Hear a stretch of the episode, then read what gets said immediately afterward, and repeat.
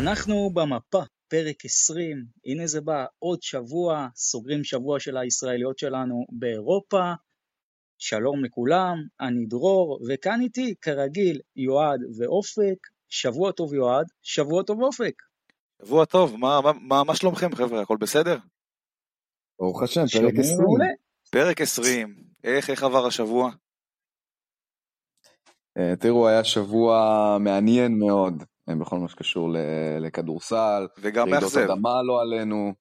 Uh, היה שבוע, בוא נגיד, לא הרבה יכלו לצפות את המאורעות. כן? כן, זה שבוע שאני באופן רשמי עשיתי מנוי לשחל במשחק של הפועל ירושלים, אבל אה, שבוע באמת מרתק היה לנו, וגם הולך להיות לנו פרק מאוד מעניין, זה פרק 20 שלנו, מי היה מאמין? רק אתמול התחלנו, והנה כבר אנחנו בפרק 20, והולך להיות לנו פרק שגם קצת יתכונן לגביע, אבל גם בעיקר יסכם את השבוע שהיה לישראליות שלנו באירופה, כמו תמיד שעה של כדורסל באוטוסטרדה הכי מהירה באירופה. מה הולך להיות לנו? אז ככה, קודם כל, אנחנו הולכים לפתוח עם הכותרות כרגיל, ואז הפועל חיפה סוגרת בעצם את הקמפיין האירופי שלה, כל אחד מאיתנו גם יגדיר אותו במילה אחת, הולך להיות מעניין, נתכונן עם הפועל חיפה גם לגביע, יש לה רק שני מפעלים כבר לשחק עליהם, הגביע הוא אחד מהם, נדבר על זה, וגם על היריבה של הפועל חיפה בגביע, הפועל ירושלים, היא גם מגיעה אחרי ניצחון בשן ועין מול סטרסבורג, אנחנו נדבר על זה וגם על הסיטואציה בבית שלה וגם בבית של חולון, שפשוט לא מפסיקה להפסיד ב money time את המשחקים שלה, גם על זה אנחנו נדבר, ואחרי זה הפועל תל אביב, ניצחון שביעי ברציפות, משכנע מאוד, אולי הכי משכנע של העונה, הפעם על גרנד קנריה, בבית, בהצגה, וגם מכבי תל אביב מפסידה בבית לכוכב האדום, הפסד שני ביתי סך הכל, אבל הוא מערער מאוד את המאזן שם של מכבי ביורוליג, ואחרי זה גם נדבר על היורוליג שהיה, ואת הטוב נשאיר לסוף, את ההימורוליג כמובן, אבל קודם כל, כותרות, יועד, אתה ראשון. Uh, טוב, אז אני חייב לפתוח עם uh, פרטיזן בלגרד, שמשום מקום פתאום נכנסת חזק למאבק על השמינייה, עם אה, ניצחון שמיני בעשרת המשחקים האחרונים. אה, באמת, הם... אפשר לראות שהקבוצה הזאת השתדרגה בכל כך הרבה אספקטים של המשחק, אם זה ב... ביכולת היצירת נקודות, ביכולת ההגנתית. אה, אני עוד זוכר שלפני חודשיים שלוש הם היו ביחד עם מכבי קבוצת ההגנה הגרועה ביורוליג. שיפרו את האספקט הזה בצורה כל כך משכנעת, ובאמת כל הכבוד, אבל אני הסתכלתי קצת על הלו"ז שלהם אה, שמחכה להם, אני לא חושב שהם הצליחו להגיע לשמינייה, כי באמת מחכה להם משחקים באמת קשים מול כמעט כל הגדולות, אה, שתי הספרדיות הם, צריכים, הם אמורים לפגוש, את אולימפיאקוס, ויהיה להם מאוד מאוד קשה להגיע לשמינייה, אבל חייב לפרגן על הקאמבק הזה שהם היו, אתה יודע, מקום 12-13 וטיפסו עכשיו במקום 7-6. אה, כל הכבוד. אז הכותרת שלי להשבוע זה שמכבי תל אביב מחתימה את לורנזו בראון לשנתיים עם אופציה לשלוש. אה, שקודם כל בוא נגיד זה צעד תודעתי אדיר אה, של מכבי וכל הקולות שחזרו וטענו שהמותג בהתרסקות וששחקנים רק רוצים לברוח מכאן ושמשהו רקוב בכל אה, ההתנהלות המקצועית אה, של המסורת אפילו כבר אין, כבר אין משמעות בעידן הכלכלי הזה, מכבי מחתימה למעשה עד סוף הקריירה את ה top שלוש רכזים באירופה כשהקבוצה הכי עשירה במפעל מריירת עליו אה, בערך מאז היורובאסקט וחוץ מזה שזה צעד תודעתי אדיר של מכבי באופן כללי, השבוע הוא שבוע גדול למכבי, היא משאירה את רומן, אה, מבוא להארכות חוזה נוספות, אפילו מדברים על בולדווין, על דיברתולומאו, אה, ניבו קולסון ומנקו כבר עם חוזה לעונה הבאה, ומכבי הולכת כנראה להגיע לקיץ הקרוב, שמה שנשאר זה שיפוצים בעמדות מסוימות, אבל כשיש שלד שהוא מוכח והוא מבטיח, נותן הרבה סיבות לאופטימיות להמשך. והכותרת שלי, הנה, זה שוב נעצר. כי אנחנו הרי זוכרים את השנים הקודמות, יותר נכון את השנתיים הקודמות באירופה, עם טבלאות שלקבוצה אחת יש 17 משחקים ולשנייה 14 והשלישית לא יודעת מתי היא משחקת.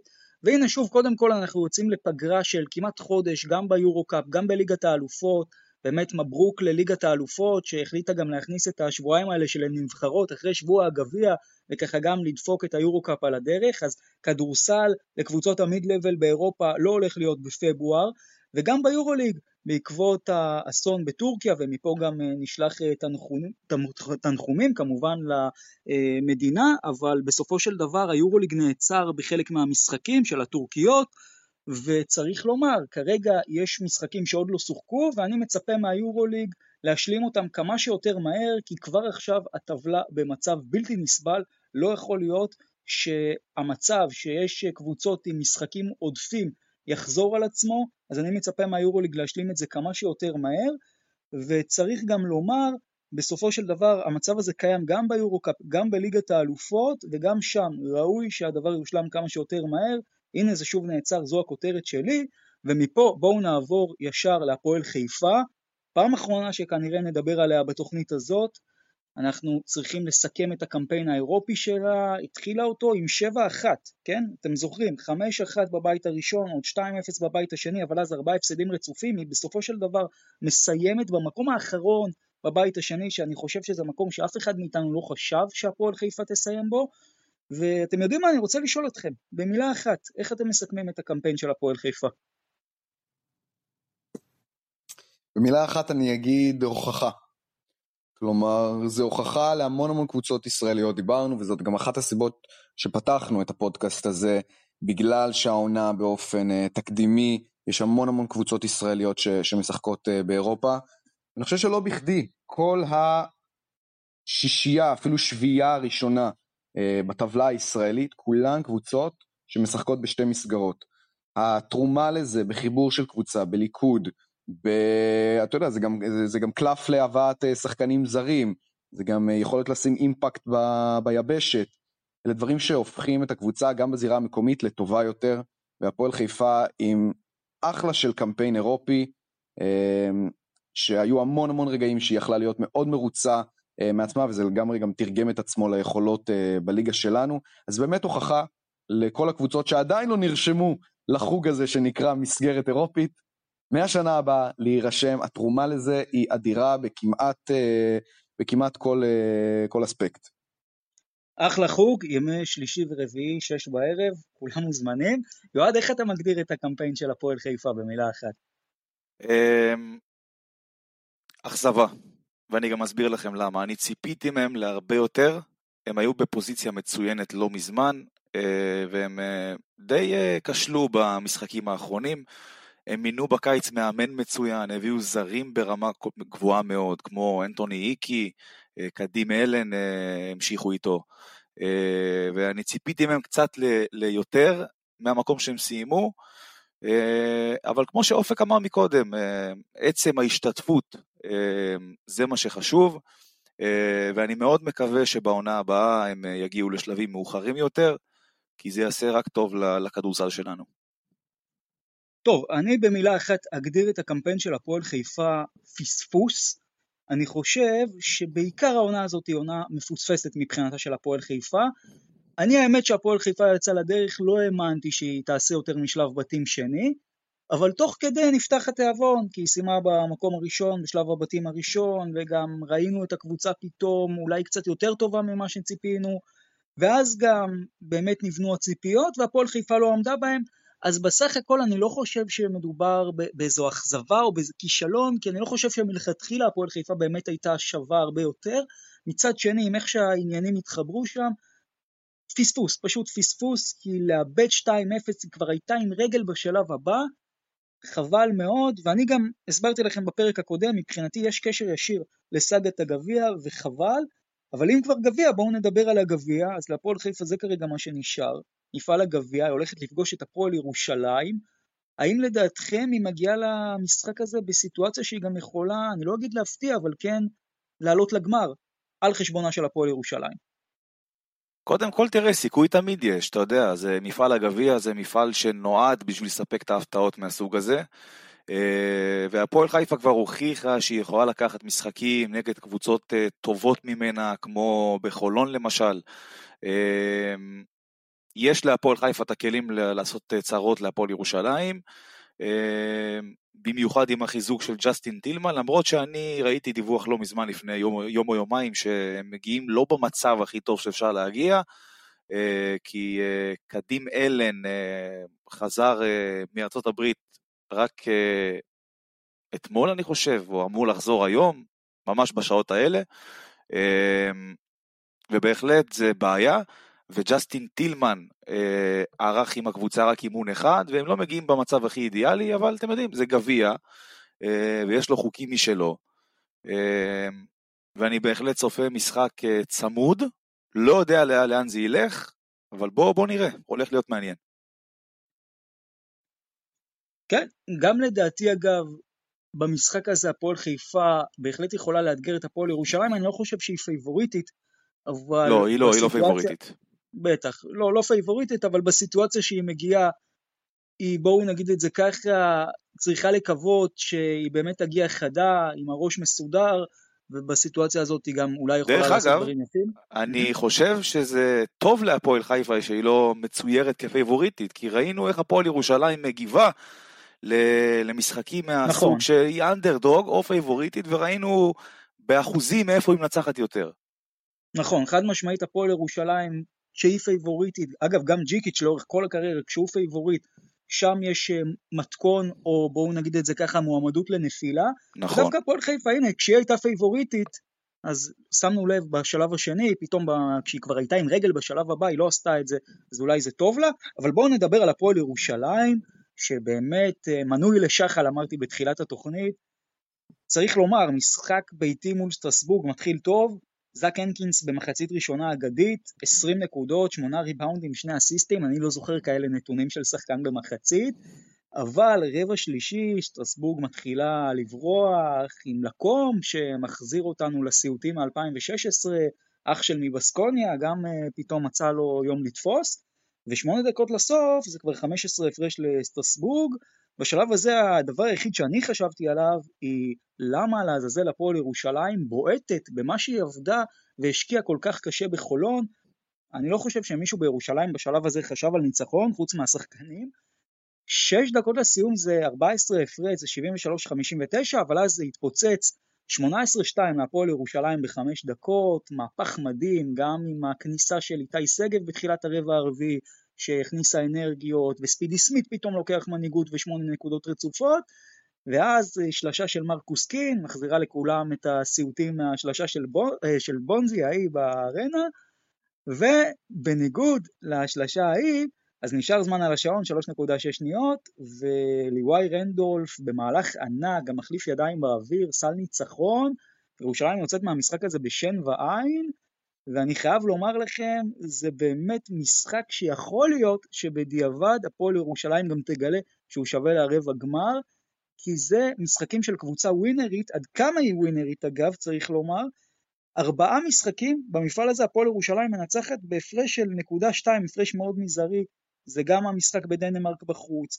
זה גם המשחק הראשון מול דרושפקה בבית, זה גם המשחק מול חולון בחוץ, ועכשיו מול סטרסבורג בבית, ובעצם ארבע מתוך שבעת הניצחונות של הפועל ירושלים הם ממש בנקודה שתיים, ואם זה לא קורה אז אולי אנחנו בכלל מדברים אחרת על הפועל ירושלים העונה. יותר מזה, הפועל ירושלים העונה 18 ניצחונות, 9 הפסדים, הפסד אחד בלבד בדו ספרתי בתחילת העונה להרצליה, אז סך הכל זה נראה טוב, אבל עדיין בשן ועין. מה הניתוח שלכם על המשחק הזה? תשמעו, ניצחון אה, עצום של הפועל ירושלים שכבר, וואו, כבר אין מילים. אה, עוד פעם, זו לא פעם ראשונה שהיא, שהיא עושה את הדבר הזה ומראה איזה מנטליות ברזל יש לה אה, וכמה היא קבוצה עם המון המון לב וכמה היא שוברת את כל הסטיגמות שיש אה, על המועדון הזה.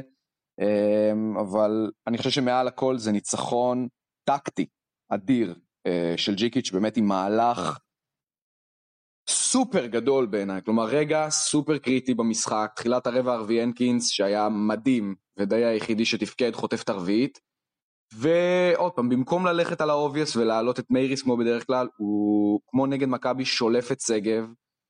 ועוד פעם מי שמכיר אותי יודע בדיוק מה אני חושב על איתי שגב, גם אני, אה, שהוא אנטי כדורסל שמדובר בשחקן שלא ראוי לשחק בליגת העל ושאני לא יודע אם זה מזל או שזה קשרים איך הוא הגיע למעמד שהוא נמצא בו כגבוה ישראלי לגיטימי בליגת העל, אבל מהשנייה שהוא עלה, כבר, עוד פעם, את זה יש לו, כן? לא ניקח לו את האסל ואת הריבאונד ואת הנשמה, הלך כבר חזק מאוד על, על, על קין והאסל, ופתאום הקהל נדלק והקסם קורה.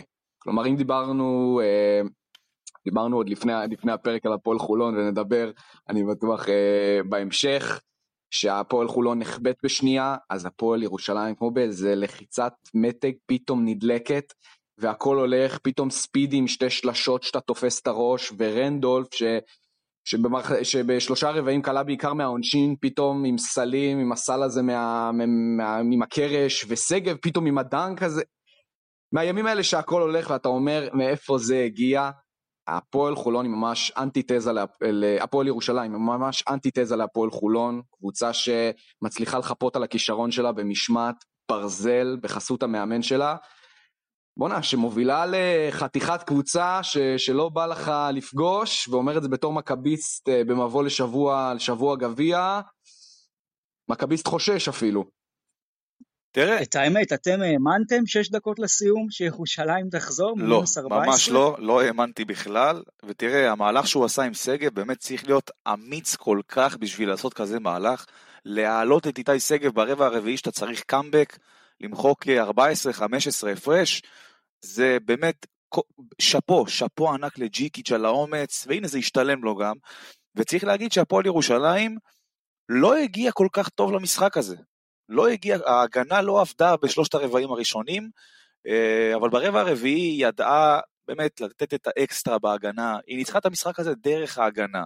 יגידו התקפה, זה לא, היא ניצחה דרך ההגנה, אני חושב ששטרסבורג כלאה שמונה נקודות ברבע הרביעי, תקנו אותי אם אני טועה.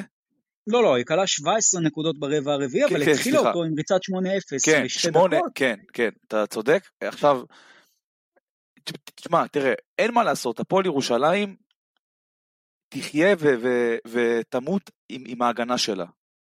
התקפה אין לה, כוכב ענק אין לה, אה, והקבוצה הזאת, אם היא רוצה להגיע לאן שהוא העונה, להביא איזה תואר למועדון, היא תצטרך לשמור ולשמור כמו ברזל, כמו שהיא שמרה ברבע הרביעי מול אה, שטרסבורג, כמו שהיא שמרה בדרייבין אה, ברבע גמר גביע, כמו שהיא שמרה בהיכל מול מכבי.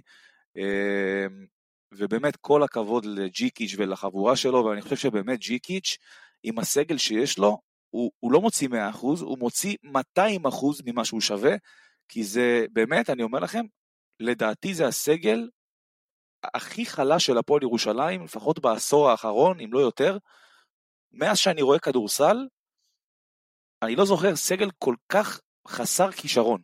אני אומר לכם את זה אמיתי, ופה באמת כל הכבוד לג'יקיץ', אה, שאפו. אני קצת בהלם ממה שאמרתם, אני חייב לומר, מהניתוח של שניכם. אני חייב להתייחס, קודם כל לגבי הסגל, אני לא חושב שזה סגל כזה חלש. רנדולף היה מלך הסלים. בסדר, רנדולף היה מלך הסלים, רנדולף היה מלך הסלים של ה-BCL, כמו שרוצ'סטי היה המלך הסלים של היורוליג, תעשה לי טוב. לא, למה לא, אל תזלזל, לו, סטנדי לא כזאת הייתה קבוצה רעה, אבל עזוב, עזוב. כן, אבל גם אה, ניז'ני נובגורוד לא הייתה קבוצה רעה, היא עשתה top 16. כן, אבל אני לא חושב שזה היה סגל יותר חלש מ-2021, אני כן מסכים איתך שזה סגל יחסית חלש. זה סגל יחסית חלש, אבל אני בהלם לגבי מה שאמרתם על ג'יקיץ' במשחק הזה, כי אם היה מישהו שהוא לא היה טוב במשחק הזה, זה אלכסנדר ג'יקיץ'. קודם כל, בתחילת המשחק ירושלים רצה, ולג'יקיץ' יש איזה מנהג להעלות את ה-second division, כן, את החמישייה השנייה, בבת אחת. כלומר, להוריד את כל הסטארטרים שלו ולתת להם מנוחה, וזה לא עבד מול חולון, וגם במשחק מול סטרסבורג זה פשוט עצר מומנטום, ירושלים כבר הייתה בדרך לברוח, ואוקיי, הכנסת את ברנדון בראון, אז זה עבד יפה, אבל אז הוא הוריד עוד שני שחקנים, זה בסוף לא עובד, ושטרסבורג חזרה למשחק מהדבר הזה, ובכלל כל הבור שירושלים נכנסה אליו במחצית השנייה קרה כי לא היה לה את הפור במחצית הראשונה. עכשיו, גם הוא התעקש על מייריס באמת בערב שאני לא מבין, כי מייריס לא פגע בשום שלב בערב הזה, וגם היה חור בהגנה, והוא שיחק 28 דקות, וגם החילוף של שגב, אתם מפרגנים פה לג'יקיץ', על מה אתם מפרגנים פה לג'יקיץ'? אה, שגב נכנס נטו בגלל הרביעית של הנקינס. אם הנקינס לא חוטף את הרביעית, שגב לא רואה פרקט במחצית השנייה, ובעיניי ג'יקיץ' לא ניהל טוב את המשחק, אבל כן אני מסכים איתכם מאוד, שג'יקיץ' בנה קבוצה עם אופי, הוא בנה חבורה של לוחמים שגם אם הוא עושה שטויות במהלך המשחק, יש לו את השחקנים שלו שיחפו עליו, וזה כן עבודה של מאמן, צריך לפרגן את זה פה למאמן, רואים שיש דרך, ורואים שהמכלול הוא באמת מדהים בהפועל ירושלים כרגע. זאת הגדולה, דרור, זאת הגדולה. כלומר, מנה, אה, חוץ מפבלו לסו, מאמן, אה, עדיף שלא יבוא עם, עם חילופים מהבית. כלומר, דווקא הגדולה של מאמן נמדדת ברגעים שהמשחק אה, מביא לו לא, את המצבים אבל... האלה. ואין כיס חטף את הרביעי, והרבה מאוד מאמנים ו- וקבוצות היו מאבדות את הראש. ושלף את הארנב הזה, וזה מה שניצח לו את המשחק. אבל הארנב נשלף בגלל רביעית של הנקינס, כי אם הנקינס לא חוטף רביעית הארנב לא נשלף. אבל לא משנה, עזוב, ג'יקיץ', בין אם הוא היה מכניס את שגב או לא, אני רגע כן רוצה לדבר על השחקנים, כי קודם כל יש פה כמה דברים. רנדולף בעיניי שחקן מעולה, אני יודע אולי שלא תסכימו איתי, אבל בעיניי רנדולף אפילו יש לו איכויות ליורוליג, לפחות ממה שהוא מראה לנו בחודשיים האחרונים. זה שחקן בשלב הזה, כל פעם שהפועל ירושלים הייתה צריכה, הוא שם לה נקודות, גם בחולון. זה, זה הרבה מאוד אופי והרבה מאוד כישרון של רנדולף, הוא גם מאוד מגוון, הוא יכול לשמור גם על שלוש עמדות, יכול לשחק בשלוש עמדות, בשתיים עד ארבע, מרשים מאוד. ספידי סמית, אני חייב לומר, אני מופתע שאני אומר, אבל הוא בעונה טובה. עוד משחק טוב שהוא נותן, 11 נקודות, 8 אסיסטים, השמונה נקודות רצופות שלו החזירו את ירושלים למשחק. זאק הנקינס, לי כבר אין מילים, אבל בעיניי אחד הסנטרים הטובים, בטח במפעלים המשניים של אירופה, וגם הוא לדעתי שווה את המפעל הראשון בקלות, שובר את שיא הקריירה שלו במשחק הזה, וצריך לומר עוד משהו, לסיום, איתי שגב, מה שהוא עשה מול הצרפתים, זאת הופעה שבאמת אני לא זוכר כל כך הרבה אופי של קפטן, שבאמת מרגע שהוא עלה לשחק זה שינה את המשחק. הוא בהגנה היה נראה לי כמו יאן וסלי, ששומר על, ה, על הגרדים, וכאילו אני שאלתי את עצמי, זה איתי שגב? זה, אנחנו מכירים את השחקן הזה? מאיפה זה בא? תראה, זה, זה... הדברים האלה לאיתי תמיד היו, גם במכבי. הקטע ההגנתי זה משהו שתמיד היה לו. אה, ותשמע, תראה, הפועל ירושלים היא קבוצה. קבוצה, זה לא, אין שם איזה שחקן אחד שהוא מעל כולם, היא קבוצה, זה הגדולה שלה, אה, אין שם איזה כישרון מטורף. ואני אתה אמרת מקודם שאתה לא מסכים איתנו על ג'יקיץ', אני דיברתי באופן כללי, אוקיי? ג'יקיץ', נכון, אני מסכים שהוא לא ניהל את המשחק מול שטרסבורג בצורה הכי טובה שהוא יכל, אבל כשאני אומר שאני מפרגן לו ואומר שאפו לג'יקיץ', אני מתכוון לעונה בכללותה. לקחת אוסף של שחקנים אפורים ולעשות מהם קבוצה כזאת, ואתה יודע, שחקן כמו ספידי סמית שהוריד את אה, מכבי חיפה ליגה, אה, והיה בקבוצות קטנות, ולגרום לו להיראות ככה, כי הוא באמת, הוא נותן באמת חודש, חודשיים טובים מאוד. כאן, כאן אני מביא את הקרדיט לג'יקיץ', ובאמת כל הכבוד. והפועל ירושלים אה, יכולה באמת לעלות אפילו מהבית הזה, אם היא תעשה עוד איזה שתיים, שלוש אה, ניצחונות אה, טובים וחשובים. כמובן שאת חולון בארנה היא תהיה חייבת לקחת, אה, ובואו נראה. כן, אז בדיוק בהקשר הזה, צריך לומר, הפועל ירושלים, בעקבות הניצחון של דיז'ון על חולון, כנראה תצטרך לפחות עוד שני ניצחונות, כשאחד מהם כמובן יהיה בצרפת בחוץ, וגם לא בטוח שזה יספיק, אם חולון תסיים עם 0-6 ושלוש קבוצות יסיימו עם 4-2, אנחנו עוד יהיה לנו זמן אה, להיכנס לספקולציות ותרחישים, אבל הפועל ירושלים כרגע במצב שניצחון אחד, רוב הסיכויים לא יספיק, שני ניצחונות רוב הסיכויים כן יספיקו ושלושה ניצחונות בוודאות יספיקו, אז זאת הסיטואציה של הפועל ירושלים, ומפה בואו נעבור להפועל חולון, שמה אני אגיד לכם, שוב אותה מנגינה, שוב הסרט חוזר, ראינו אותו מול שטרסבורג, ראינו אותו מול ירושלים, והנה ראינו אותו גם בדיז'ון, כי הפועל חולון שוב מגיע למשחק, שוב מובילה ברובו, כבר עולה ליתרון 14 נקודות, תשע הפרש שהיה לה בתחילת הרבע האחרון, ופשוט, אני כבר לא יודע מה להגיד, היא פשוט מאבדת את המשחק הזה, וצריך גם להגיד מול מי היא מאבדת, היא מאבדת אותו מול דיז'ון,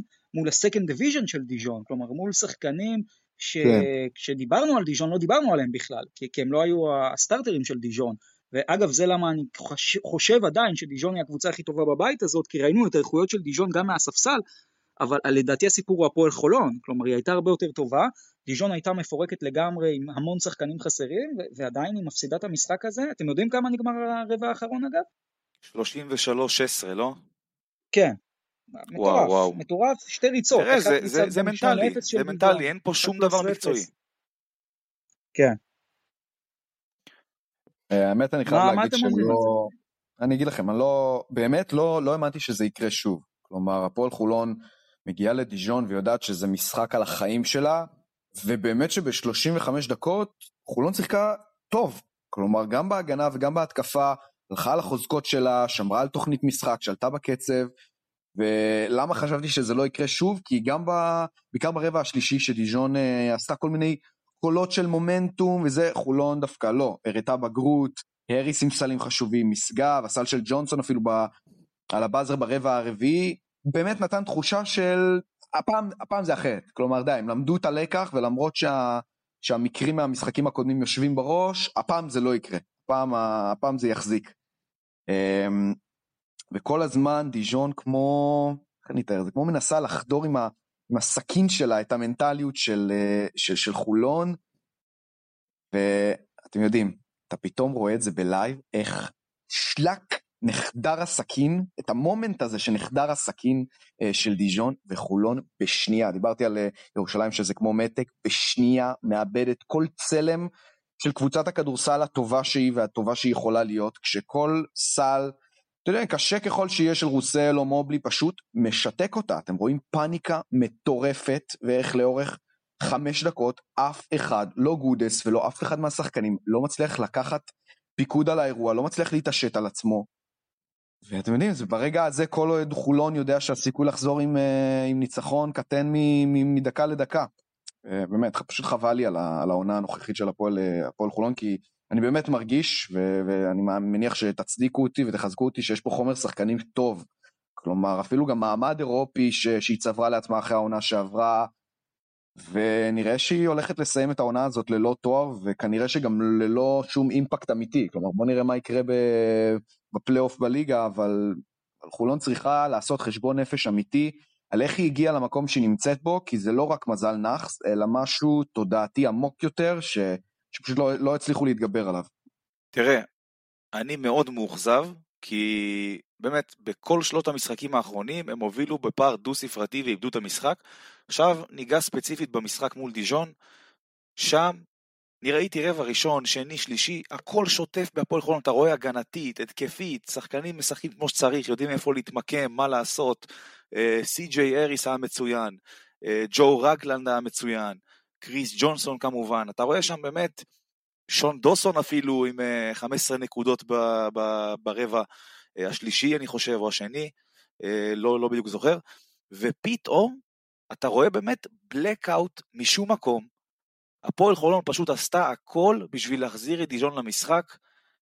שום דבר ממה שעבד בהתקפה לא עבד ברבע הרביעי, זה פשוט קבוצה אחרת לחלוטין. אתה ראית פתאום שחקנים מתבלגנים, מכריחים, אה, עושים דברים שהם לא יודעים לעשות.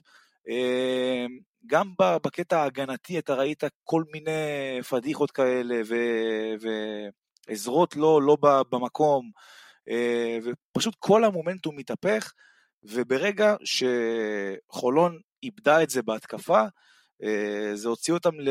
ל... באמת משחק ריצה, נגסו בהפרש לאט לאט וניצחו את המשחק. אה, אני חושב שהם עלו כבר לשמונה הפרש באיזשהו שלב, ובאמת חבל מאוד על הפועל חולון, כי זה... יש מצב שזה ה-0-3 הכי משקר שאני זוכר. תסכימו. איתי, ת, ת, תסכימו איתי שלפחות שתי ניצחונות מתוך המשחקים האלה הם שווים ב-100%.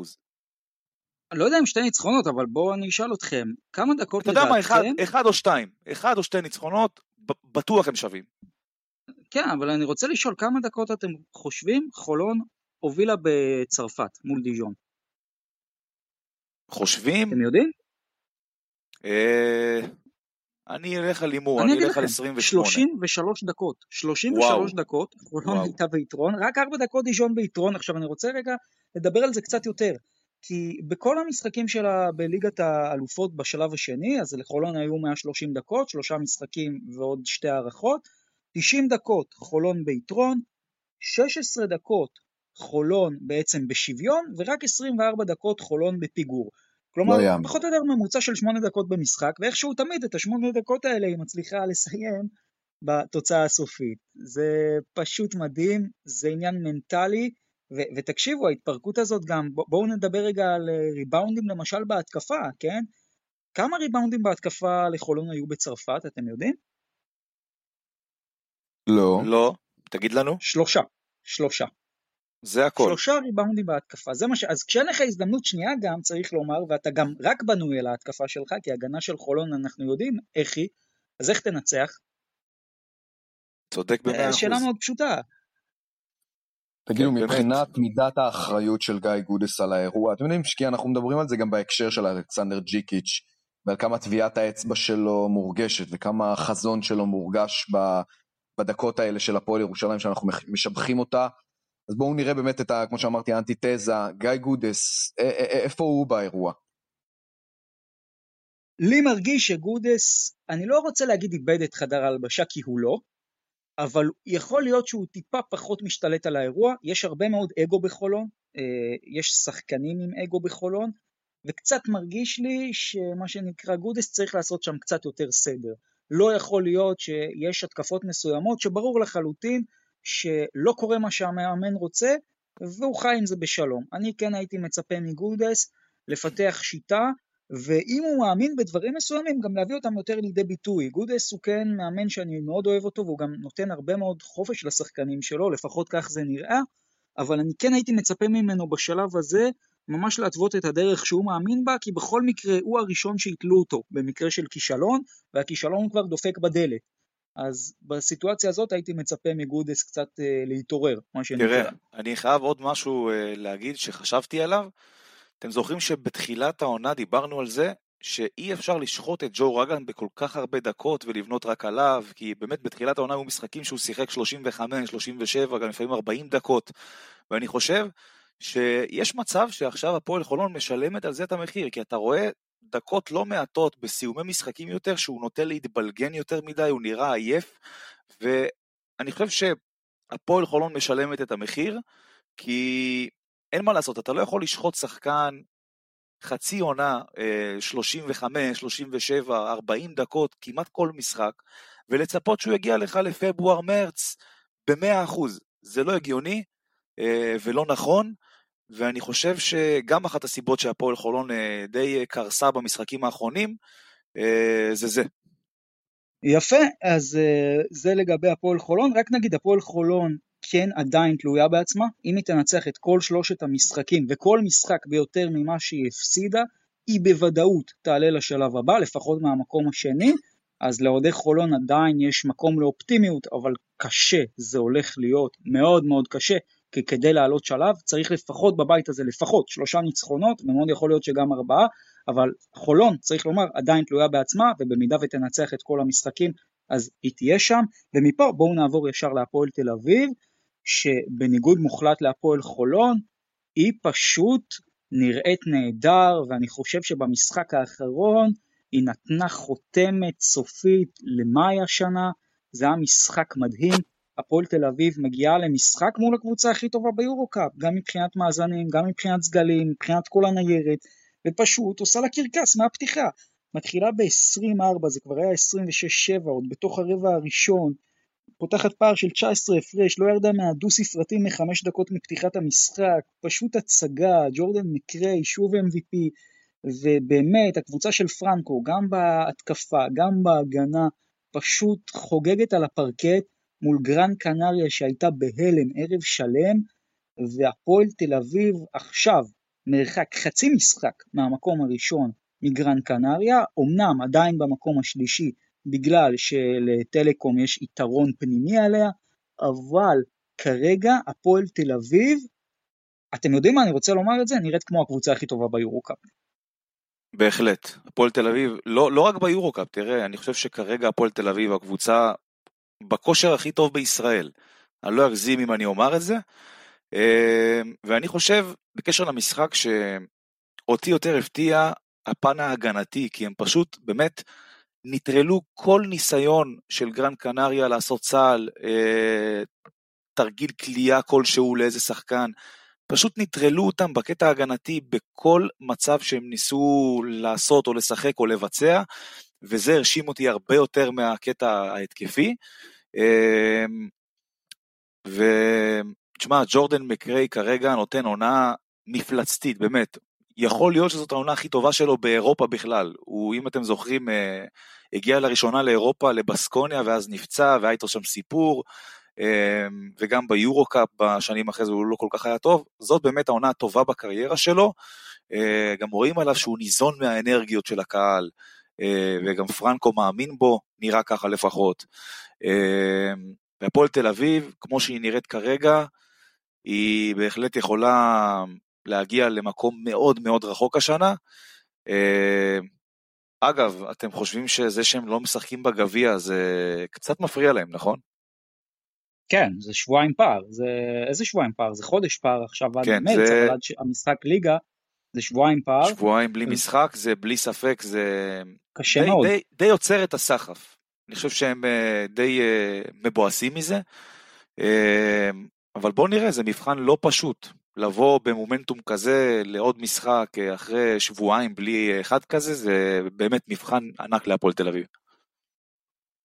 קבוצה היסטורית אה, להפועל תל אביב, ויכולה גם להיות עונה היסטורית, אבל בשורה התחתונה, אם רגע נעשה זום אאוט, הפועל תל אביב עד כה ללא שום אימפקט אמיתי על העונה הזאת. כלומר, שני תארים, נגיד אחד וחצי, היא הפסידה, אה, אבל שני התארים הגדולים ביותר אה, שהעונה הזאת יכולה להציע עדיין על השולחן, וכדי שלא נשכח את הכדורסל ההיסטורי שהפועל תל אביב משחקת, כי באמת, זה לא רק ה-MVPs של השבוע שהיא שוברת את שיא היורו-קאפ וכמות האסיסטים בכל משחק שהיא כל פעם אה, מציתה את הדמיון, באמת מרגיש שזו אחת הקבוצות הכי טובות שהיו בישראל, בטח ב-15 שנים האחרונות שהיא לא מכבי תל אביב, ואפשר לעשות פה, אפשר לעשות פה משהו היסטורי, גם ביורו-קאפ, אם היא תבטיח את המקום הראשון באיטיות לאורך כל הדרך. אנחנו מדברים על זה שבעונה הנוכחית אה, ביורו-ליג, מדברים על זה שמונקו אה, כבר תהיה משוריינת, ואולי גם הסרביות, ולא יודעים מה יהיה עם הרוסיות.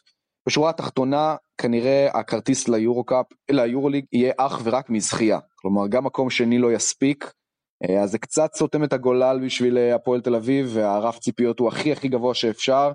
אבל בוא נגיד שאחרי הניצחון על גראן קנריה שהיא כנראה הקבוצה טופ שלוש אה, במפעל, נתן הרבה מאוד תיאבון, אה, תיאבון להמשך, ואפשר לעשות פה משהו היסטורי וכולם יודעים את זה. תראה, אני יודע שנכון לכרגע, גם סגנית אלופת היורו-קאפ מקבלת את הכרטיס ליורוליג. כל עוד וירטוס בולוניה לא עושה טופ 8, אני לא יודע לגבי השריונים, כן יש שמועות כאלה, אבל שום דבר, אף אחד לא, לא הודיע על זה כלום. וכרגע אני חושב שאפילו סגנות תספיק להפועל תל אביב לכרטיס ליורוליג. שווה לבדוק את זה. בוא נראה, נדבר על אה, כל מיני, אני שומע כל מיני דברים, אולי גם ולנסיה שתישאר. אה, שום דבר הוא עדיין לא רשמי, צריך לראות איך מתקדמת העונה. אה, אבל בוא נגיד שזה כבר לא אפילו שלישייה מהיורו-קאפ, אלא במקרה הטוב זה שתיים אם לא אחת, וזה הופך את המשוכה לאפילו עוד יותר קשה, אבל באמת מרגיש שזהו עכשיו או, או לעולם לא. בהחלט. תראו, הפועל תל אביב לדעתי, כרגע היא הקבוצה הכי טובה ביורו-קאפ, כרגע. אבל איך לימד אותנו הדוקטור? הליגה ואת הכסף מתחילים לספור באפריל-מאי. וזה יהיה מבחן גדול מאוד להפועל תל אביב בשלב הזה של העונה, באפריל-מאי באמת להביא את עצמה לידי ביטוי כמו שהיא עכשיו היא משחקת. פרנקו אנחנו יודעים שהוא אלוף בעונה הסדירה, אבל המאני טיים זה הרגע בו הפועל תל אביב תצטרך להגיע. מה שכן, אני גם רוצה, אתם יודעים ככה, להציע פה הצעה שגם אם הפועל תל אביב לא תעשה את זה, אנחנו לא נפרק אותה לגורמים. כלומר, אנחנו כן ניזכר ונהנה מהעונה היפה שהיא עושה.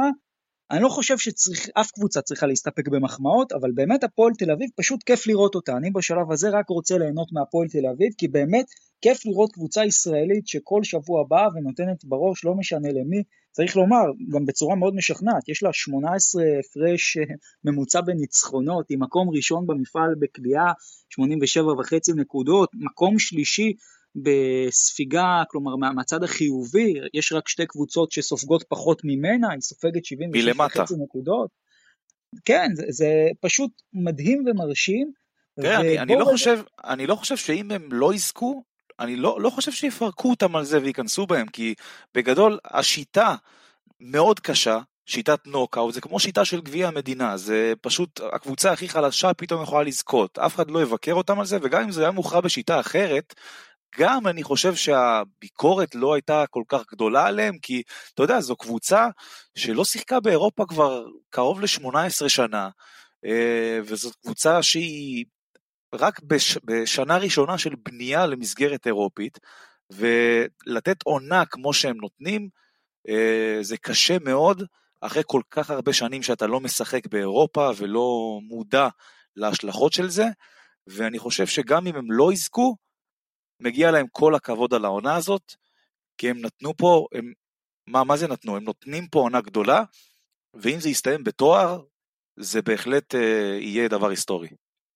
כן, אבל אני עדיין רוצה להגיד, אני רוצה להגיד שאתם צודקים, כל מה שאתם אומרים נכון, אבל עדיין, אם לא יהיה כאן אה, תואר, או לפחות השלבים האחרונים האחרונים גם בארץ וגם, ב, וגם ביורו-קאפ, תהיה כאן תחושת אכזבה אה, מהפועל תל אביב, גם בעיקר מהתחושה הזאת שמרגיש שזה לא משהו שיכול לחזור. כלומר, אה, ואני חושב שאמרתי את זה באחד הפרקים הקודמים, יש פה הזדמנות שלא תחזור, כי גם זה לא שהפועל תל אביב הוא מועדון עם איזשהו אה, יסודות כלכליים לטווח ארוך, כלומר זה לא הפועל ירושלים של אורי אלון עם הארנה ועם, ה, ועם השלד הכלכלי וה, והתקציב שנדמה שרק הולך לגדול משנה, טוב אז לא הלך לנו בעונה הזאת, ילך לנו בעונה הבאה. לא בכל עונה אתה תצליח לשים את היד שלך על, אה, על אונואקו שבמקרה יושב על המדף ועל ג'ורדן מקריי שבדיוק ברגע שג'יימס יאנג נפצע לך אתה לוקח את אחד השחקנים הכי טובים ביורקאפ. זה לא יקרה בכל פעם, טפו טפו גם אה, ללא פציעות צריך להגיד את זה, מרגיש שיש איזושהי הילה סביב העונה הזאת אה, של הפועל תל אביב ושהכל מתנקז לזה שהנה עכשיו זה, זה צריך ויכול לקרות ואם זה לא יקרה לא רוצה להגיד בכייה לדורות כי הם באמת מציגים כדורסל מדהים ואפשר לשפוט אותו רק לפי זה אבל תהיה כאן אכזבה גדולה. לגמרי, ואתם יודעים שלי יש נגיד ביקורת על עונת 2017 של הפועל ירושלים שהיא לא זכתה ביורו-קאפ כי זה בדיוק אותו סיפור, כלומר יש לך קבוצה שבנויה לזכייה, אתה צריך לזכות, גם אם אתה רק אחת מהקונטנדריות, אחרת זה פספוס, ותארו לכם הפועל ירושלים הייתה זוכה אז ביורו-קאפ, יכול להיות שהיום היא הייתה ביורוליג. אי אפשר לדעת, ולכן גם הפועל תל אביב זאת הזדמנות שמאוד יכול להיות שלא תחזור, היא צריכה לקחת אותה בשתי ידיים. עכשיו בואו נעבור ונראה רגע מה יש להפועל תל אביב לקראת ההמשך. אז קודם כל צריך לומר, מקומות 4-5 בבית כרגע, יש את פריז ויש את בעצם גם אה, פרומטאי, להפועל תל אביב יש יתרון של משחק וניצחונות עליהם, אז כנראה לא תידרדר. אה, כשאתם מסתכלים על לוחות המשחקים, גם של קנריה, גם של טלקום וגם של הפועל תל אביב, שיש לה את בודוצ'נוסט בחוץ, המבורג בבית ורוצלב בחוץ ופרומטאי בבית, זה כנראה גם לוח המשחקים הכי קל. זה אומר שלהפועל תל אביב יש פה גם הזדמנות מאוד מאוד טובה, אפילו לסיים במקום הראשון, בהנחה וקנריה מפסידה עוד משחק, אם הפועל תל אביב מנצחת הכל וקנריה מפסידה רק עוד משחק אחד, הפועל תל אביב מקום ראשון. מאוד משמעותי. ב... משמעותי מאוד בשיטה הזאת. אוקיי, אז זה לגבי הפועל תל אביב, וגם היא עכשיו יוצאת לפגרה עד השביעי במרץ.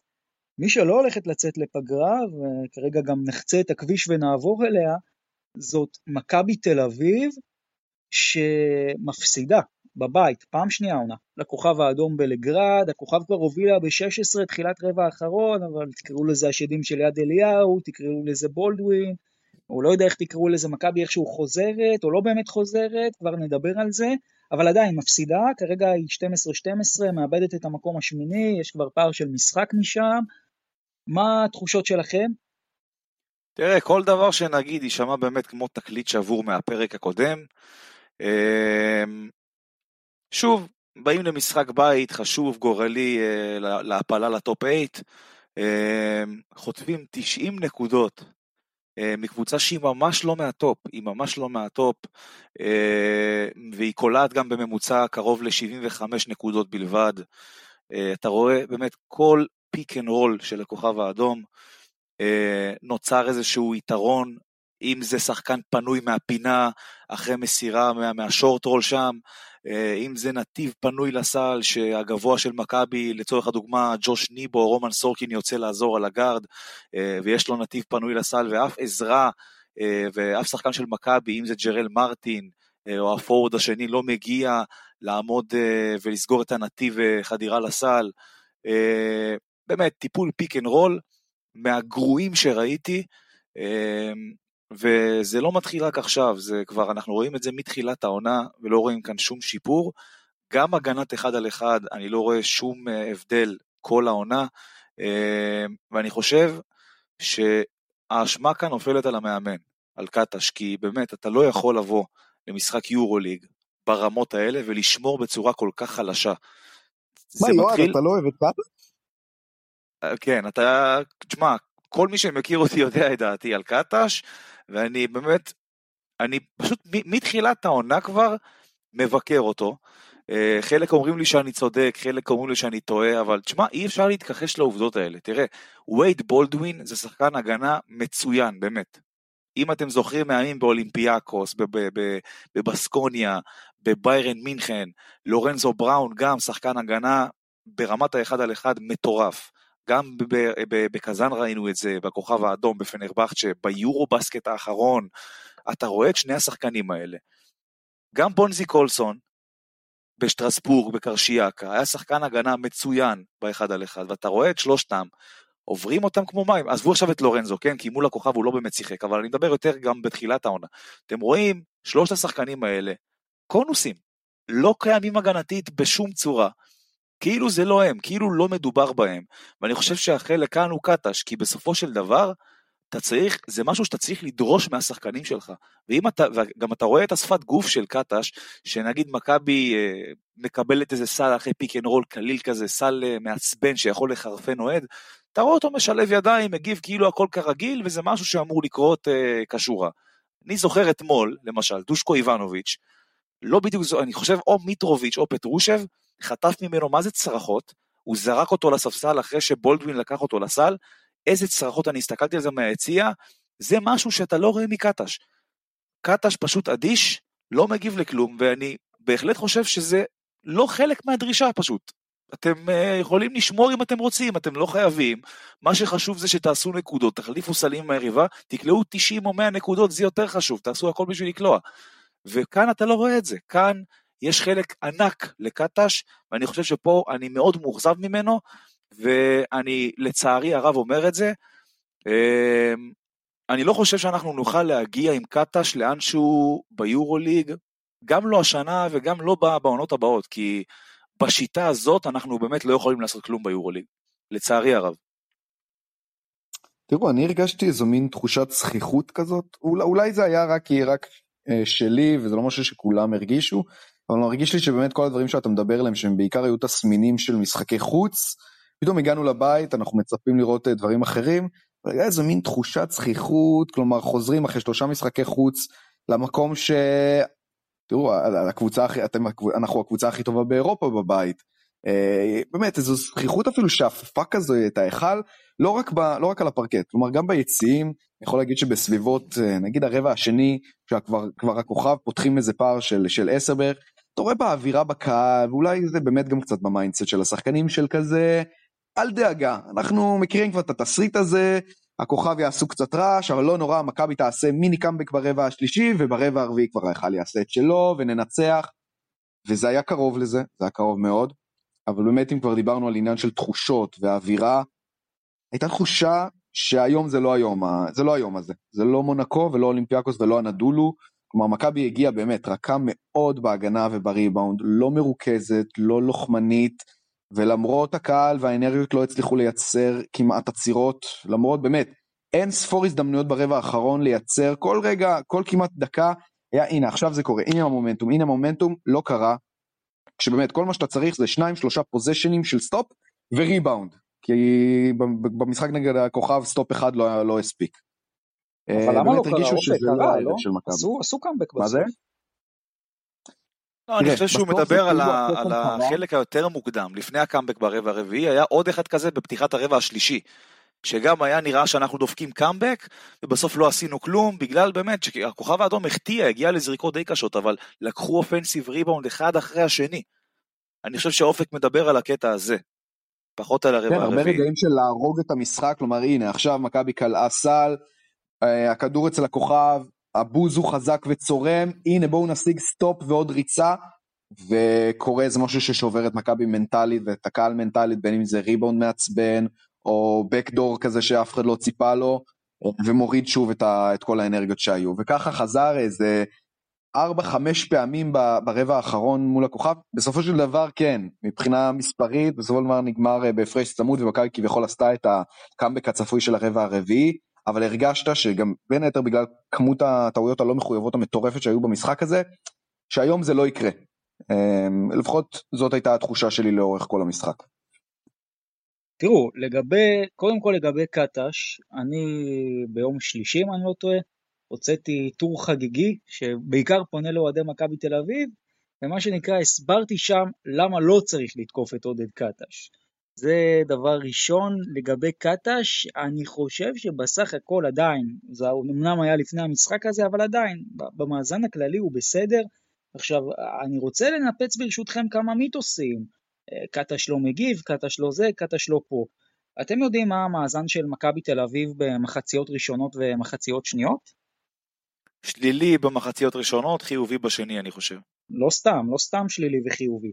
16-8 שלילי במחצית הראשונה, ו-16-8 חיובי במחצית השנייה. אפשר להגיד הרבה דברים על קטש, לדעתי לא על זה שהוא לא מגיב, לפחות לאור מה שהוא רואה במחצית הראשונה ועושה את ההתאמות הנדרשות למחצית השנייה, אולי הוא לא מתכונן טוב למשחקים, אולי הוא לא פותח טוב את המשחקים, ואגב גם מול הכוכב האדום, המשחק לא נפתח טוב מבחינתה של מכבי, אבל קטש כן בסוף, לפחות מבחן התוצאה אומר, מגיב ומשפר את מצבו למול היריבה במהלך המשחק.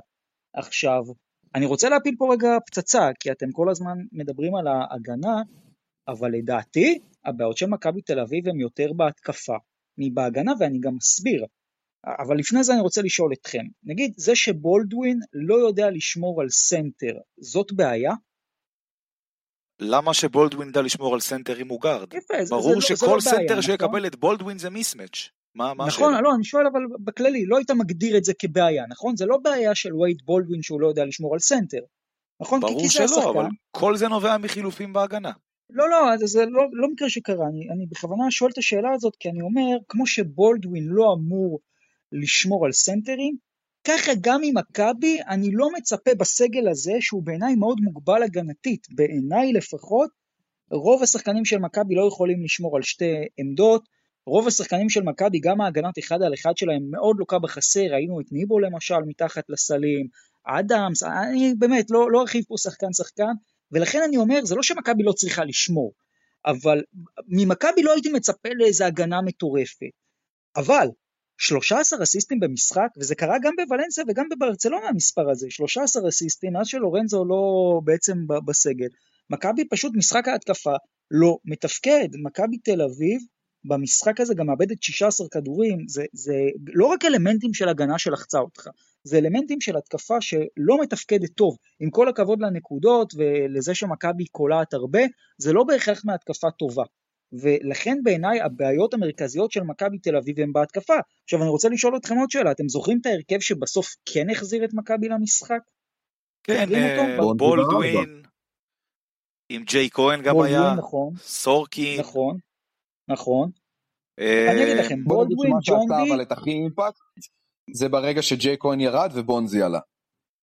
כן, אבל אה, אני, היה מצב של 73-60, ואז קטע שאלה, הרכב של בולדווין, ג'ון די, היליארד בשלוש, ג'יי כהן וסורקין, הרכב שעל פניו אתה אומר "א- איך הדבר הזה שומר, ואגב הוא לא שמר, הם חטפו שמונה נקודות בשלוש וחצי דקות, זה לא הרכב הגנתי גדול, אבל כלו 14 נקודות, ועשו 7-0 מאוד מהיר, שקצת הטריף את מכבי, אם אתם זוכרים שם עם השתי קליעות עונשין של בולדווין, שהפכו אחרי זה לשתי קליעות עונשין של סורקין, זה, זה משהו שקצת העיר את ההיכל, וזה בסוף בעיניי מה שהחזיר את מכבי למשחק, בוודאי מחק לה את הדו-ספרתי. ובסוף בעיניי מכבי כן צריכה להתמקד יותר בהתקפה, ונגיד הביקורת שלי על קטש היא, היא על דרון איליארד. איזה שחקן זה דרון איליארד, ראיתם מה הוא עשה ברבע הרביעי? אגב, גם בהגנה, אבל גם בהתקפה. זה שחקן מאוד משמעותי, איך אתה מוותר עליו עונה שלמה? זה מה שאני שואל את קטש. אבל בסך כן. הכל אני כן רוצה לומר שמכבי בעיניי, במאזן שלה כרגע, אל תשכחו גם, תשע משחקים, לורנדו ובולד, לורנזו ובולדווין לא משחקים ביחד. רק 15 מתוך 24 משחקים הם משחקים ביחד. כלומר, בסוף ה-12-12 הזה, אני כן אגיד שהוא משקף את היכולת, ו- וגם מול הכוכב האדום מותר להפסיד בבית, שלוש הפרש, בסוף זה לא 20 תראה, הפרש. קודם כל הקטע, החיסרון של לורנזו משפיע, אין ספק פה, זה לא שאלה. אה, דבר שני, אני לא מסכים איתך, לא מסכים איתך. הבעיה של מכבי היא הגנתית הרבה לפני התקפית. אנחנו ראינו השנה משחקים של מכבי בהתקפה מצוינים, גם בהפסדים של מכבי, אלה במינכן, בפנתנאיקוס, מכבי קלה בסקור מאוד גבוה, קרוב ל-90 נקודות, אבל גם חטפה קרוב ל-100, אה, וזאת בדיוק הסיבה העיקרית גם שהפסדנו את המשחקים האלה. והרפיון הזה בהגנה, זה מה שהכי מפריע לי. זה משהו שאני, אני, שאני כאוהד לא מוכן לסבול. זה, וזה על המאמן, ואין, אי אפשר להגיד משהו אחר, כי כל עוד מכבי לא תרים את הרמה הגנתית, היא לא תעשה משהו השנה. אתה אבל אם... באמת חושב שמכבי יכולה לשמור בהרבה? אני לא מדבר בקצת. היא יכולה לשמור, היא יכולה לשמור בהרבה יותר טוב ממה שהיא שומרת עכשיו, כן. אין ספק. אתה, אוקיי, תשמע, יש, יש דבר אחד שאני מסכים איתך. יש דבר אחד שאני כן מסכים איתך, הקו הקדמי של מכבי ברמת ההגנה הוא לא מהטובים. ג'וש ניבו לא שומר גדול, גם לא רומן סורקין. היה למכבי שומר גדול בקו הקדמי וקראו לו אלכס פויטרס, לצערי הוא לא איתנו כבר. אה, אבל בכל מה שקשור לקו האחורי, שבסופו של דבר ההגנה מתחילה בקו האחורי, אחרי הכל בשביל להגיע לטבעת אתה צריך לעבור את הקו האחורי. וברמת האחד על אחד זה לא שם, למכבי יש שלוש כלים הגנתיים טובים, לאורך כל העונה היו לה גם בונזי קולסון, וייד בולבין ולורנזו בראון, ואתה לא רואה את זה מהם, וכאן אני מפיל את התיק על המאמן, אין שום, אין שום צל של ספק בכלל. תראו, ברגע שלורנזו לא נמצא, עמדות 4-5 במכבי נמחקות לחלוטין, גם בגלל סגנון השחקנים ש, שיש במכבי היום, אלה שחקנים שלא, כמעט ללא גב לסל, כמעט ולא מצליחים לייצר לעצמם, אה, כלומר ברגע שאין להם רכז שמזין אותם, הם אה, מנוונים לחלוטין. כלומר, אתם מדברים באמת על יכולת התקפית אה, בעייתית, כן, זה נובע בעיקר מזה שמשחקים כמעט רק, רק על הקשת, אין כמעט משחק פנים, כלומר במשחק מול הכוכב, ב-70 דקות משותפות של חמשת הגבוהים של מכבי, הם נותנים בחזרה 11 נקודות ושבעה ריבאונדים. אז מאוד מאוד קשה לנצח, לנצח משחק הזה. אז נכון, וייד בולדווין עם תצוגה אישית מדהימה, ו- ולגמרי אפשר, אפשר להחמיא לו על זה. שיא קריירה. אבל אתה לא יכול. שיא קריירה שלו, שיא קריירה של שחקן, של שחקן מכבי באירופה, כלומר לא, שובר את השיא של ווילבקין בשנה שעברה ואת של שרס עם 37 נקודות.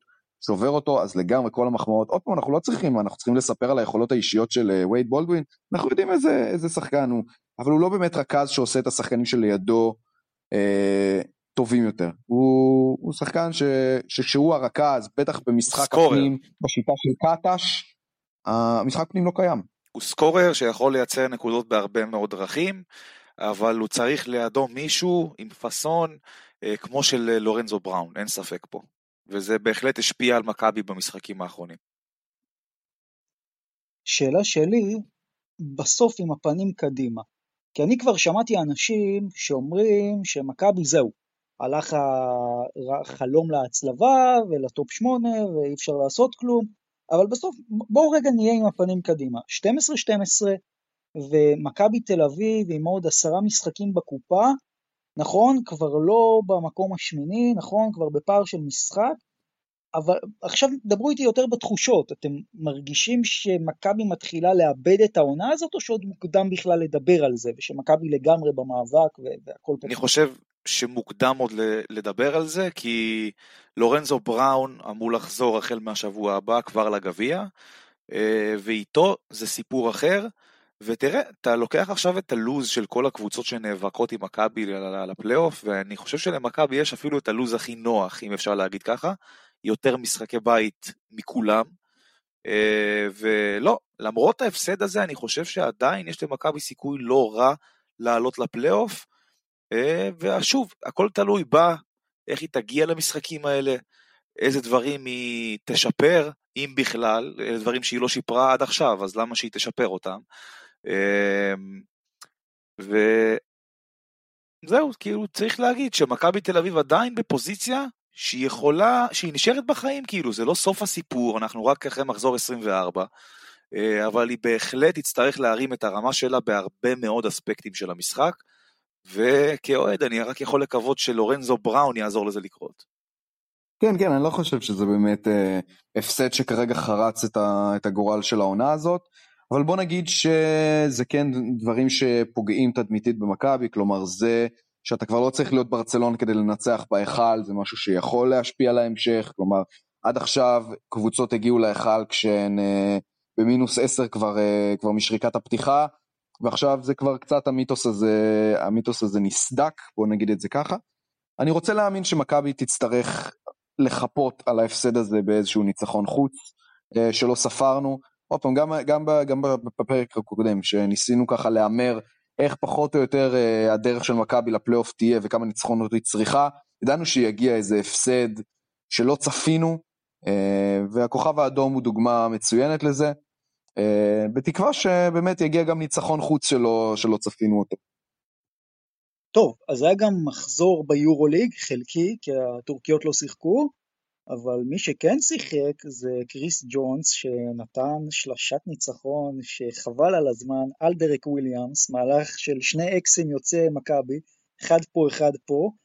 ולנסיה שוב חוזרת לחייך, 13-11, אז מה, השנה זאת השנה? תראה, קריס ג'ונס גם יכל לקלוע את השלושה הזאת בשבוע שעבר.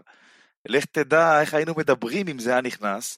ותראה, אפשר להגיד שהשבוע הזה, מכבי וולנסיה קיזזו את המשחק של מכבי בוולנסיה. ולנסיה קיזזה אותו עם ניצחון באוהקה, ומכבי קיזזה אותו עם הפסד אה, ביתי לכוכב האדום, אחרי הכל.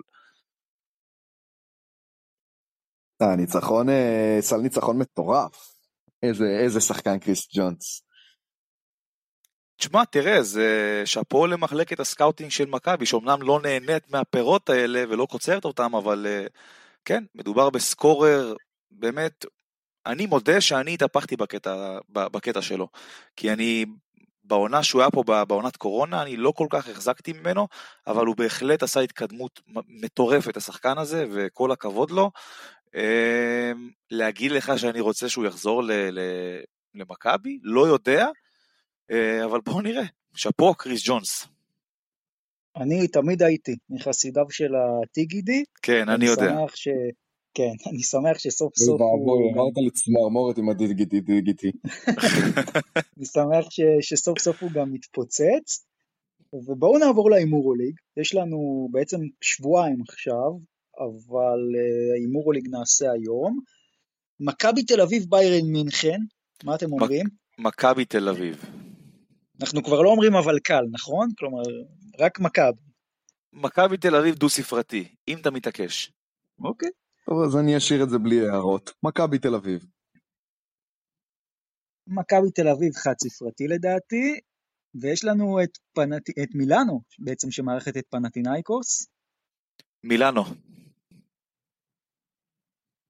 פנתנייקוס. ואני אלך גם עם פנטינאיקוס. יש לנו פרטיזן בלגרד שמארחת את פנרבכצ'ה, אני אומר פרטיזן ממשיכה, אז אני עם פרטיזן. פנרבכצ'ה. וואו, אם הם ינצחו את פנרבכצ'ה זה כבר uh, ניצחון תשיעי ב-11 משחקים, וזה כבר, אנחנו בשלבים שזה כבר ממש רגל וחצי בפלייאוף, אה, למרות סדרת המשחקים הקשה, לא, לא רואה את זה קורה, אני הולך עם פנרבכצ'ה. יש לנו גם את ריאל מדריד, שמארחת את ג'לגיריס קובנה. ריאל מדריד. מדריד. וגם אני עם מדריד, ויש את הכוכב האדום שתרצה להמשיך לנצח מול אלבה ברלין. כוכב האדום, 15 הפרש. כנ"ל, קליל. גם אני עם הכוכב האדום, אבל לא בהפרש גבוה.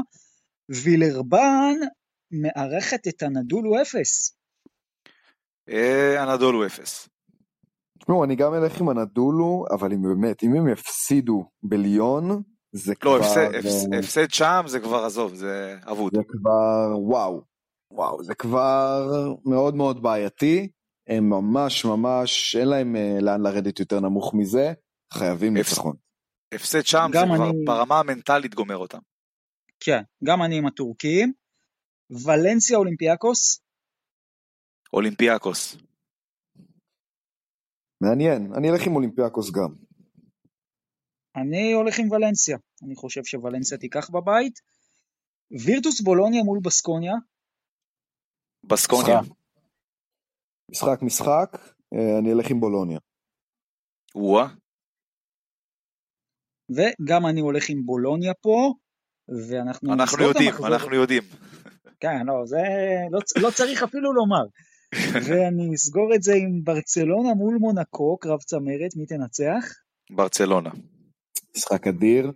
אה, אני אלך עם מונקו. וואו, וואו, וואו, וואו. מונקו גם בחוץ במדריד וגם בחוץ בברצלונה, אם זה יקרה זה באמת מרשים. אבל פה אני הולך עם ברצלונה, אני חושב שברצלונה תיקח את זה בבית. אז זה ההימור ליג שלנו, אנחנו נחזור אליו בעוד שבועיים. צריך לומר, השבוע יש שבוע גביע, יום שני שני משחקים, יום חמישי משחק הגמר, ואנחנו כמובן בפרק הבא גם נסכם את האירועים של הגביע וגם נתחיל להתכונן לשבוע אחרי של מכבי ביורוליג. מי לדעתכם אה, יהיו בגמר הגביע? תראה, אני לא רוצה להישמע משוחד, כן, אבל uh, כולי תקווה שזה יהיה מכבי תל אביב. Uh, ותשמע, אחרי הכל גם צריך להגיד את האמת, זה תלוי בה. מכבי מול מי רק? הפועל ירושלים, חכה לנו ומכבי קלאסיקו. תיקח אתה אומר. כן. תשמעו, אלה שתי קבוצות, ממ- אני מתכוון ממול אה, למכבי ולירושלים, שתי קבוצות לא פראייריות בכלל, לא לישון עליהן. אני חושב שתהיה פה הפתעה.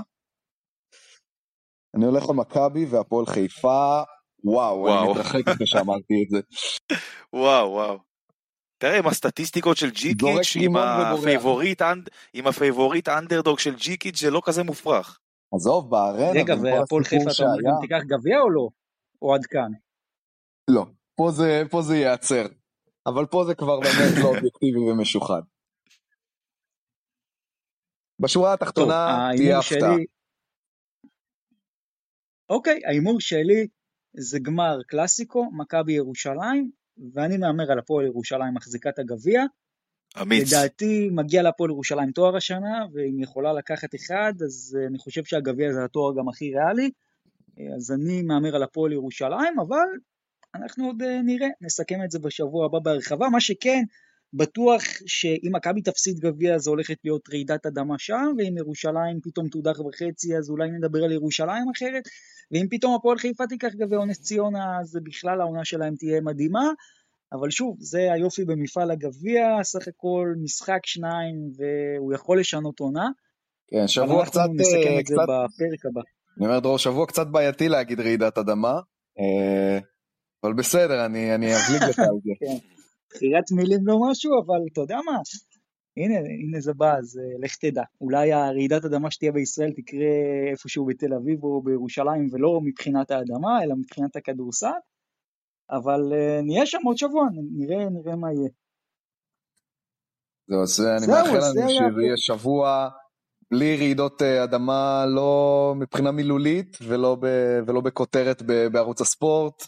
שיהיה כמה שיותר. אני בעד שבוע בנאלי, אני אוהב בנאלי.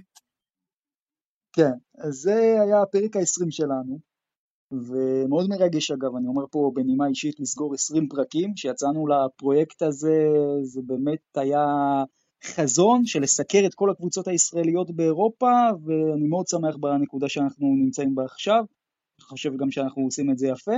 אז סך הכל, פרק 20, שב... בפעם הבאה אנחנו נהיה עם הפרק ה-21, וזהו, שיהיה שבוע גביע מהנה לכולם. שבוע טוב חברים, אה, שבוע מעניין יהיה, אה, ובשורות טובות. שבוע חג לכדורסל הישראלי, זה באמת זה אחד השבועות שאני יותר אוהב בעונה הסדירה. שיהיה אחלה שבוע חברים. ביי ביי. אתם יודעים מה אני הכי אוהב? אני הכי אוהב את הקטע הזה. שברבע השלישי, במשחק הראשון, מגיעים האוהדים של הקבוצה שמשחקת במשחק השני ומתחילים לעשות בלאגן. זה, זה השבוע, זה, זה הכי חזק בו לדעתי. זה השבוע שזה קורה. כן. טוב, שיהיה אחלה שבוע חברים. אחלה של שבוע, להתראות. בשורות טובות.